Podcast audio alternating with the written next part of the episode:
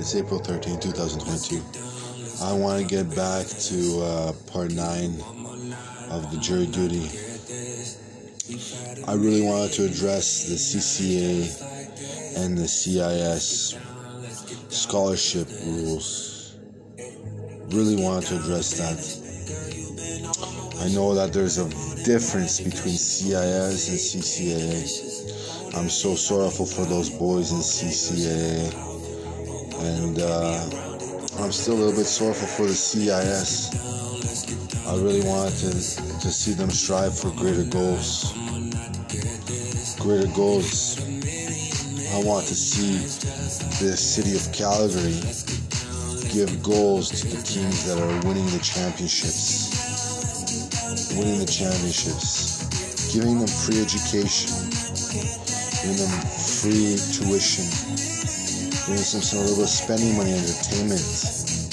I really want to see that for these boys from what I've seen, some get a full ride in CIS.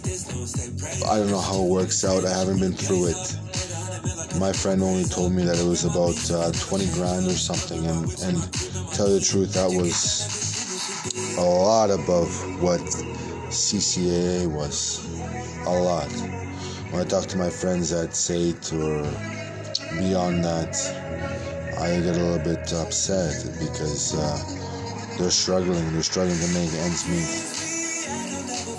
And it's about time we do it at jury duty. It's part nine.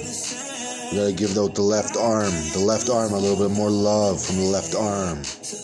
You know what I'm saying? I want to see that in the uh, CCA levels, most definitely. I want to see CIS strive for the same thing. I want to see that if the achievements are there, the goals are there, the reward is there. That's part nine for you, jury duty. Don't forget about it. Make it work.